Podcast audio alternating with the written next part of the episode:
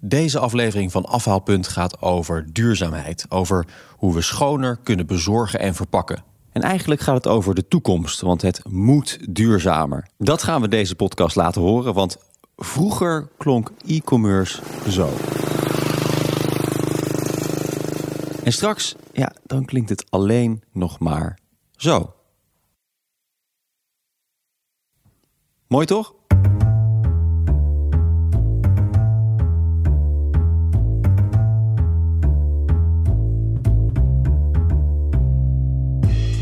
Dit is Afhaalpunt, de e-commerce podcast van bol.com voor ondernemers. Mijn naam is Koos Tervoren en naast mij zit Frank Kromer. Weet je wat het is, Koos? Ik weet niet of het nou zo veilig is. Zo'n scooter die geen geluid maakt. Ik bedoel, die pakketjes vliegen je dan bijna om de oren. Ja, Duurzaam is het natuurlijk wel. misschien moeten ze er even een cd'tje in stoppen. Dat je het geluid gewoon namaakt van die oude stinkende scooter. Of gewoon dat ze gewoon even een lekker muziekje opzetten. Hard. Hoor ik zo ook wel aankomen. Maar goed, schoon bezorgen is natuurlijk niet de enige manier om duurzaam aan e-commerce te doen. Denk bijvoorbeeld aan kleinere dozen of het duurzaam maken van je product. En dat zou je bijna vergeten. Jouw product en de productie daarvan kun je ook verduurzamen. Alles over duurzaamheid dus in deze aflevering van Afhaalpunt. En dat gaan we doen met Jori Epskamp. Hij is verantwoordelijk voor de duurzaamheidsstrategie bij bol.com. En Rob van Dendel van beddengoedmerk Jumeco. Over Jumeco. Ze zijn in 2010 begonnen en ze zijn volledig duurzaam. Hun matrassen worden van natuurlatex gemaakt en dat heeft zelfs een negatieve CO2-uitstoot. En ze zijn volop bezig met gerecycled dons voor hun dekbedden. En dat gaat ook hartstikke goed. Ze hebben meer dan 10.000 dekbedden, beddengoed, matrassen en kussens verkocht. En het meest populaire product is het beddengoed van katoensatijn. Welkom allebei. Dankjewel. Dankjewel. Ja, de laatste tijd komen nogal wat termen voorbij. Vliegschaamte, vleesschaamte, rookschaamte. Ja, what's next, eh, Jori? Bestelschaamte? Ik hoop het niet. Nee? Nee. nee. Nou, we mogen ons toch wel een beetje zorgen maken om het milieu, toch? Of niet? ja, maar ik denk niet per se met betrekking tot bestellen alleen. Dat gaat natuurlijk veel breder over consumeren eh, en hoe we dat doen eh, in Nederland en in Europa. Of misschien wel in het Westen. Ja. Want hoe vervuilend is bestellen en dus een pakketje laten bezorgen nou daadwerkelijk? Ja, op zich valt het heel erg mee. Dus het, het, het proces om een pakketje te laten bezorgen is heel efficiënt. Heeft, eh, TNO heeft een model gemaakt om dat te berekenen.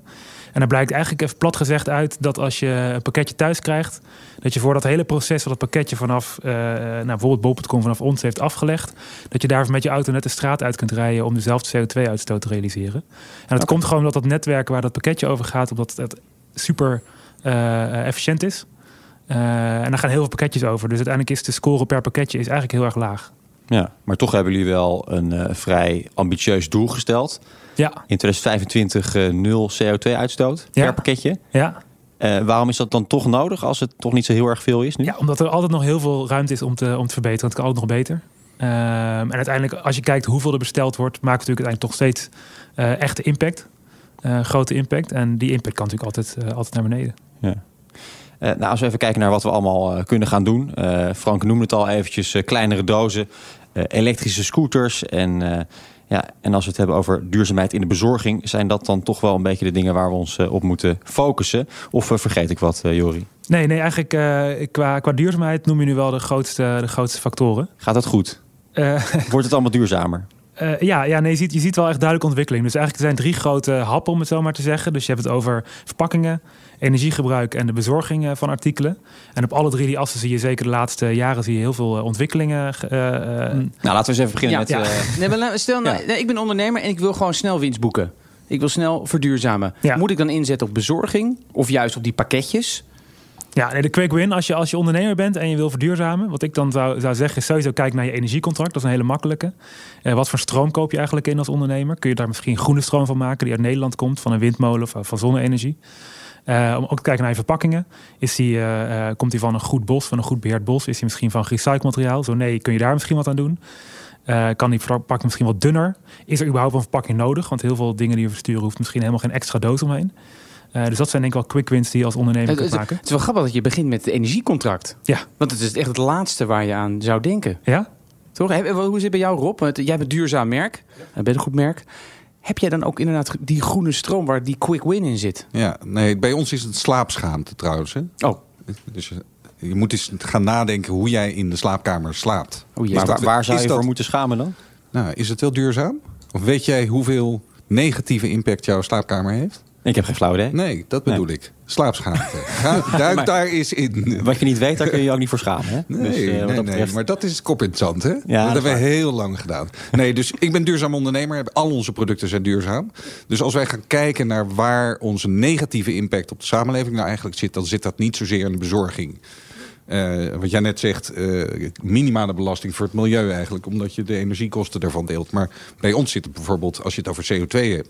de containerschepen die over de zee varen. Nou, dat is onvergelijkbaar. Net dus zeg maar tien keer zoveel als al onze pakjes in Nederland. Ja. Dus bij ons zit de winst zit met name in, in het productieproces zelf. En daar zit uiteindelijk, als je een leverancier van producten bent... daar zit voor de leverancier de grootste winst. Maar Bob.com, ja, bij jullie zit het inderdaad energie, leveringen en... eh, toch? En verpakkingen, Dat- ja. En verpakkingen. Ja. Nou, Ja. Daar, kan je, daar zit de impact van Bol.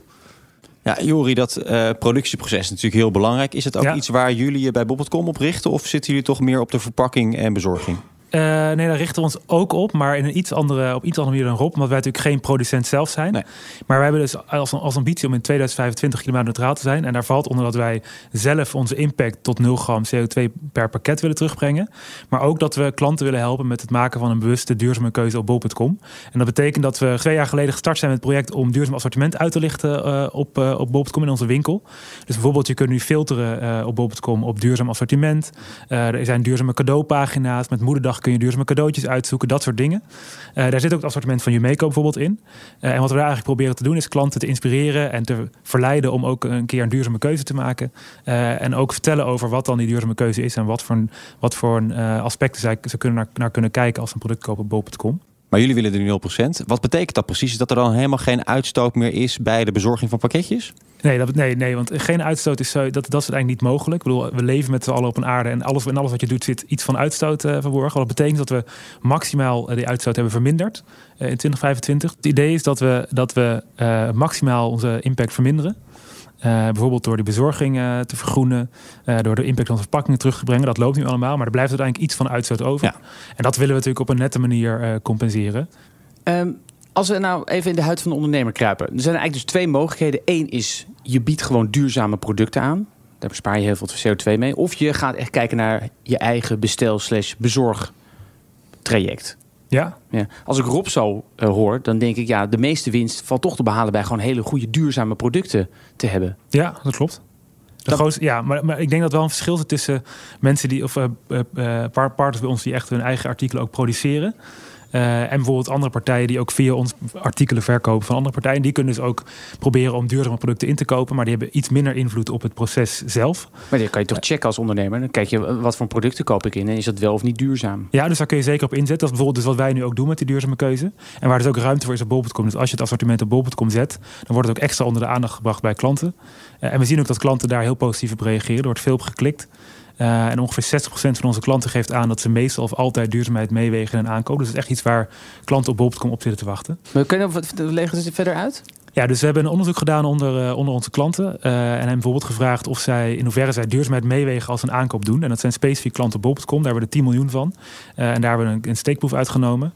En daarbij gaf 60% aan dat zij meestal of altijd duurzaamheid meewegen bij het doen van een aankoop. Ehm, en dat ze dat een heel belangrijk thema eh, vinden. En 59% gaf aan dat ze ook wat meer willen betalen voor zo'n product. Dus dat ze echt wat over hebben om een duurzamer product te kopen. En, en hoe sturen jullie dat nog meer? Werken jullie ook met labels bijvoorbeeld? Ja, ja dus in de, op bol.com staan labels. Dus bij een duurzaam product komt eh, een label te staan. Dus bijvoorbeeld bij het beddengoed van Jameco kan het biologisch zijn of fairtrade. Of allebei. En we hebben dus die filters. Dus als je die filter aanvinkt, dan krijg je eigenlijk alleen nog maar assortiment wat voldoet aan onze spelregels voor duurzaam assortiment. Ehm, en, en in bijvoorbeeld de cadeauwinkel zit- is een duurzame cadeauwinkel. Als, als er een moederdagcampagne live staat, zit er ook een duurzame eh, verzameling van cadeau, cadeaus voor moeder, moeders bij bijvoorbeeld. Dus op die manier proberen we klanten eigenlijk eh, te helpen en of te wijzen op een duurzaam alternatief. Ja. Eh, en is het daardoor ook ja, commercieel interessant voor ondernemers om een duurzaam product te brengen? Omdat je dan inderdaad uitgelicht wordt, een label krijgt. Jazeker, en ook wat ik net aangaf, er zijn, bij ons zijn, is het gewoon een grote groep klanten die hier interesse in heeft en die hier ook naar, die gewoon die aankopen wil doen. Dus dat is zeker ook commercieel aantrekkelijk ehm, om, daar, om daarop in te spelen. Dan vind ik interessant, als ik nou even advocaat van de duivel mag spelen. Ja, Eh, ik ben ondernemer. Ja, mijn belangrijkste missie is gewoon omzet draaien. Ik wil gewoon omzet draaien en die omzet vergroten. Ik zie mensen heel veel in, uh, in China koekeloeren, lekker bij AliExpress, heel goedkope producten bestellen. Mhm. Ik bedoel, ja, duurzaamheid is hartstikke leuk, maar ik moet gewoon centen verdienen. Ja. Rob, hoe kijk jij eraan? Ja, mijn, mijn bedrijf is in de basis begonnen met duurzaamheid. Dus het is een beetje Ja, maar lastig. kan je begrijpen dat een ondernemer tegen je zegt... ja, Rob, hartstikke leuk. Ja, maar ik bewijs het tegendeel. Ik ben heel, we zijn heel succesvol met een puur duurzaam product... waarbij we allemaal kosten maken in de keten om het eh, beter te doen... voor mens, dier en milieu. En, en wij zijn het bewijs dat je ook in dit businessmodel heel veel succes kan hebben. En als je gewoon naar Unilever bijvoorbeeld kijkt... die haalt 60% van zijn omzetgroei uit nieuwe duurzame merken. En dat is even, dat is een toonaangevend bedrijf. En ik denk dat dus alle producenten eens gaan nadenken van... oh, misschien moeten wij ook een beetje die kant op. Want daar zit wel de omzetgroei. Dus ik zou een ondernemer die wil beginnen zeggen... ga duurzaam, want daar zit de groei in de markt op dit moment. Niet in laaggeprijsde producten. Ja, nu wil ik graag nog wat, eh, wat op aanvullen. Want wat wel nog goed is om te melden, is dat duurzaamheid ook vaak hand in hand gaat met kostbesparing. Dus wat je bijvoorbeeld ziet, weet je, als je energiemaatregelen neemt en in je energierekening naar beneden brengt, levert dat gewoon een kostbesparing op. Maar bijvoorbeeld ook met verpakkingen. Wij gaan dit jaar 3,5 miljoen zendingen sturen wij zonder verpakking eh, weg. Dus bijvoorbeeld een stofzuiger die al een stevige doos zit, daar stoppen we niet nog een bol.com doos omheen als dat niet nodig is. Dat levert dus gewoon een besparing van die doos die je niet meer om dat pakketje hoeft te stoppen eh, op. Dus het is niet zo dat duurzaamheid al het geld hoeft te kosten, maar het kan juist ook een heel goed middel zijn om je kosten naar beneden te brengen. En dus meer profijt te halen uit de omzet die je toch als ondernemer maakt. Nou, ja, toch is het allemaal niet zo vanzelfsprekend om helemaal duurzaam te worden als bedrijf. En je kunt het wel willen, maar tassenmaker Frank merkt toch dat het allemaal niet even makkelijk gaat. Hey Pascal, jullie maken tassen van gerecycled materiaal. Ja, klopt. Zijn ook veel bezig met duurzaamheid. Ja, ja, het is zelfs upcycled, een andere vorm van recycling. Maar goed, het is recycled materiaal. Het is allemaal eh, kunstleer en, en zeildoek eh, bedrijfsrestant van de Nederlandse industrie. Dat is eh, de basis van onze collectie. Ehm, ja, dus dat is, eh, dat is wat wij doen aan duurzaamheid. En als je dan kijkt naar het productieproces, is dan ook alles duurzaam? Ja, dat, dat is dan wel een ding. Wij ehm, we, zijn, we zijn nou eenmaal een start-up, dus wat dat betreft eh, moeten we gewoon echt op de, op de centen letten. De, de kosten kunnen niet te hoog zijn. Dus we zitten in een pand in de stad. Het is, ja, ik geloof jaren, jaren 20, 30 pand. Ehm er zit enkel glas in. We hebben een hele mooie raampartij. Gigantische ramen erin. Van nou, dat, ja, ik denk 2 bij 2, kijk je naar. Eh, en dat is allemaal enkel glas. We hebben zelf niet eh, het geld om dat, eh, om dat te vervangen voor dubbelglas. Eh, dus ja, wat dat betreft in, in de winter stoken we wel voor de mussen. En we moeten helaas wel stoken, want anders dan eh, vriest iedereen hier aan de grond vast. Rob, hè, je hoort het van eh, eh, Pascal Mulder, van eh, Frank, de tassenmaker. Ja, het is niet allemaal zo vanzelfsprekend. Hij heeft toch gewoon enkel glas, want ja, dat is toch een wat goedkoper gebouw. En je hebt niet zo heel veel geld als start-up. Ja, nee, dat is de realiteit. Als start-up, als ondernemer, eh, je kan niet alles tegelijkertijd. Nee. Wij zijn roomser dan de paus, maar wij zeggen ook altijd... we zitten op 90% En dat zullen we altijd zitten, want het is never good enough. Dus ik vind het, zeker met enkel glas en dat soort dingen... dat is niet een keus die je zelf kan maken. Dus je moet sturen op de punten die je kan... en daar zo goed mogelijk proberen te doen. En dat is niet altijd ten koste van dat het hogere kosten zijn... of minder omzet zal betekenen. Kan je daar een voorbeeld van geven? Nou ja, een, van de dingen die wij gezien hebben is dat wij zijn duurder dan eh, andere producten in onze range. Maar als je dus gelijksoortig product gaat kijken, de hoogste kwaliteit die er is, dan eh, zijn we een stuk goedkoper. Want wij bieden met name online onze spullen aan. Wij zien het bijvoorbeeld in onze, onze klanten. Toen we begonnen met vrij dure producten, eh, was het met name 45 plus doelgroep. Onze doelgroep is nu tussen de 25 en 45. En dat betekent dat de jongeren, de mensen van nu, heel bewust een keuze maken om net iets meer te betalen voor producten omdat ze daarmee iets goeds krijgen. Niet een enorm hoge kwaliteit, maar ook iets goeds. En je moet je afvragen of bij producten die super goedkoop zijn... of, of en waar in de keten er iemand eh, voor uitgeknepen is. Dat is zeer waarschijnlijk. Ja, maar dat, voor consumenten is het soms lastig te zien. Want er zijn natuurlijk ook gewoon merken die pakken zoveel marge. Ja. Het voorbeeld van de Zeeman sneaker, Ja. die eh, eh, onlangs werd gelanceerd. Twee versies, één hele goedkope en een hele dure. Uit dezelfde fabriek, dezelfde materialen, maar de een is heel erg gepusht. Dus is het ook voor een consument is het soms niet helemaal duidelijk... waarom die nou prijs A betaalt en, en prijs B?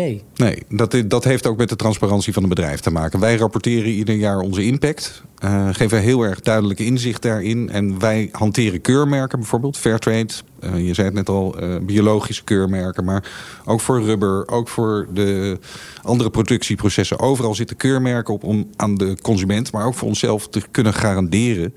dat het ethisch helemaal oké is. Ehm, Wat ik me ook altijd een beetje afvraag is, is duurzaamheid ook een goede, goede marketing tool? Ja, ook. Ja, dat, dat is een deel van de, van de terugverdienwaarde van, uh, van duurzaamheid. Uh, zit erin dat, dat mensen daar een goed gevoel bij krijgen. Blijkt het onderzoek dat mensen liever een product kopen bij een bedrijf wat maatschappelijk er goed voor staat, om het zo maar te zeggen, wat zich maatschappelijk uitspreekt, dan bij, bij een bedrijf wat dat niet doet. Uh, dat is op zich heel logisch, maar dat, dat, ja, dat zie je dus ook in, in, uh, bij duurzame artikelen. Uh, dus ja, het is ook een goede, goede marketing tool. Nog wel zou ik willen zeggen, want je ziet ook langzaam dat het echt een soort hygiëne aan het worden is. Dus ik denk dat het zeker, weet je, de komende jaar, het jaar erop, is het nog, kun je hier nog prima mee onderscheiden misschien.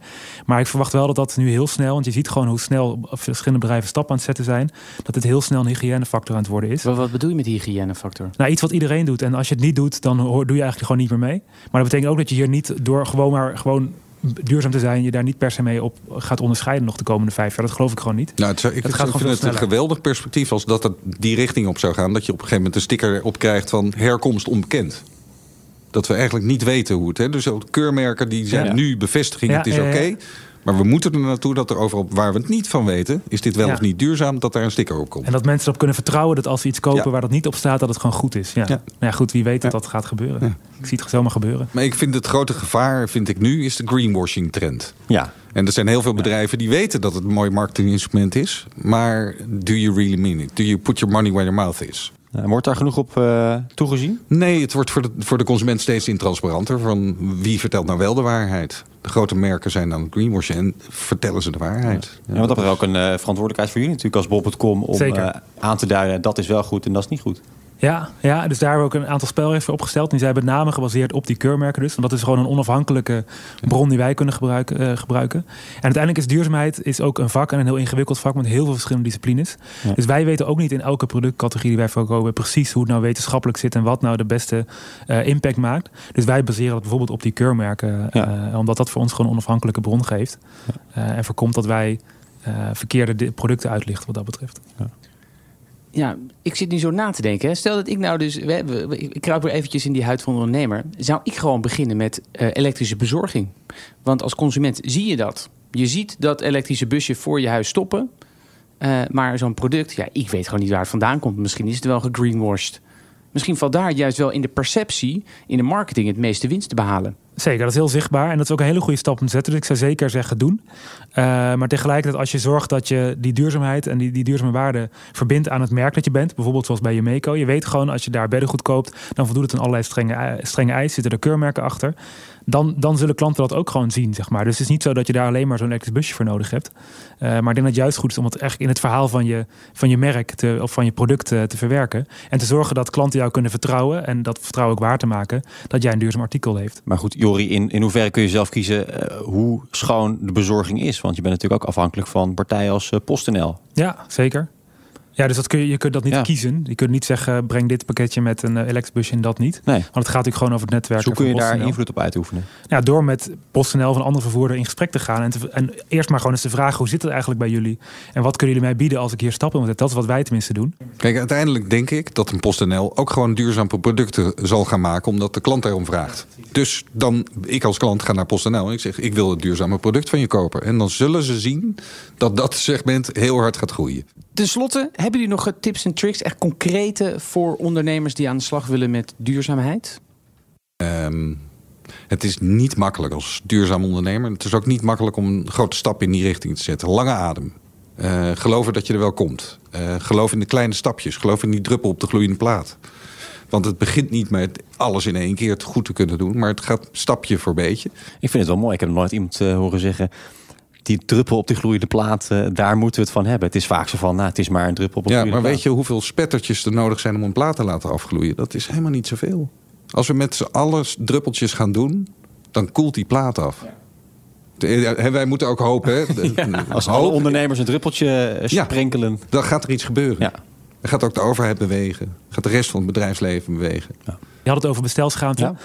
Ja. Um, en je ziet ook een beetje een soort klimaatschaamte. Wat ik ook om me heen zie van mensen. Nou, ik, ik doe dit als werk, dus ik ben blijkbaar een soort biechtvader voor sommige mensen op dit onderwerp. um, en dan zeggen mensen ook: ja, maar ik doe dit nog niet goed, ik dat nog niet goed en ik dat nog goed. Ik doe alles helemaal niet goed. Wat, weet je, ik doe me eigenlijk helemaal niks. Er worden mensen soort, soort gaan eigenlijk dan maar niks doen. En het is juist inderdaad, uh, wat Rob ook zegt, het is gewoon stap voor stap, kleine stapjes. En het is niet zo dat als je uh, aan duurzaamheid begint, dat je in één keer alles goed moet doen. Kijk bijvoorbeeld naar ons, wij hebben een hele flinke ambitie. Maar wij, wij, moeten ook nog heel veel stappen zetten om die ambitie te gaan bereiken. Maar we zijn wel begonnen. Uh, en gewoon bij de eerste stapjes die we konden zetten en waar we de grootste impact mee konden maken. En het is, ja, het is dus gewoon, maak kleine stapjes en ben daar ook blij mee. En begin vandaag, want het wordt dus gewoon hygiëne. Het is iets waar je nu nog jezelf mee kunt onderscheiden. Dus echt een ondernemersvoordeel uit kunt halen, denk ik. Maar wat over een aantal jaar gewoon gemeengoed is. Dus als je het wil doen, begin dan gewoon nu. Frank, wat heb jij deze podcast aan uh, kennis afgehaald? Nou, dat duurzaamheid echt loont. Uh, dat zie je in de onderzoeken, dat zie je ook in de cijfers. Ik heb eigenlijk twee opties wat ik geleerd heb. Eén is gewoon kiezen voor duurzame producten. En de andere is kijken naar het hele bestelproces. Uh, nou, er zijn allemaal mogelijkheden. En je hoeft niet meteen alles op te lossen. Je kunt nee. gewoon klein beginnen. Het is van de lange adem. En die druppel op de gloeiende plaat is ook echt een druppel. Zeker. Dankjewel Rob van den Dol van Jumeco en Jori Epskamp van Bob.com. Wil je niks missen? Abonneer je gratis op Afvalpunt via Spotify of iTunes.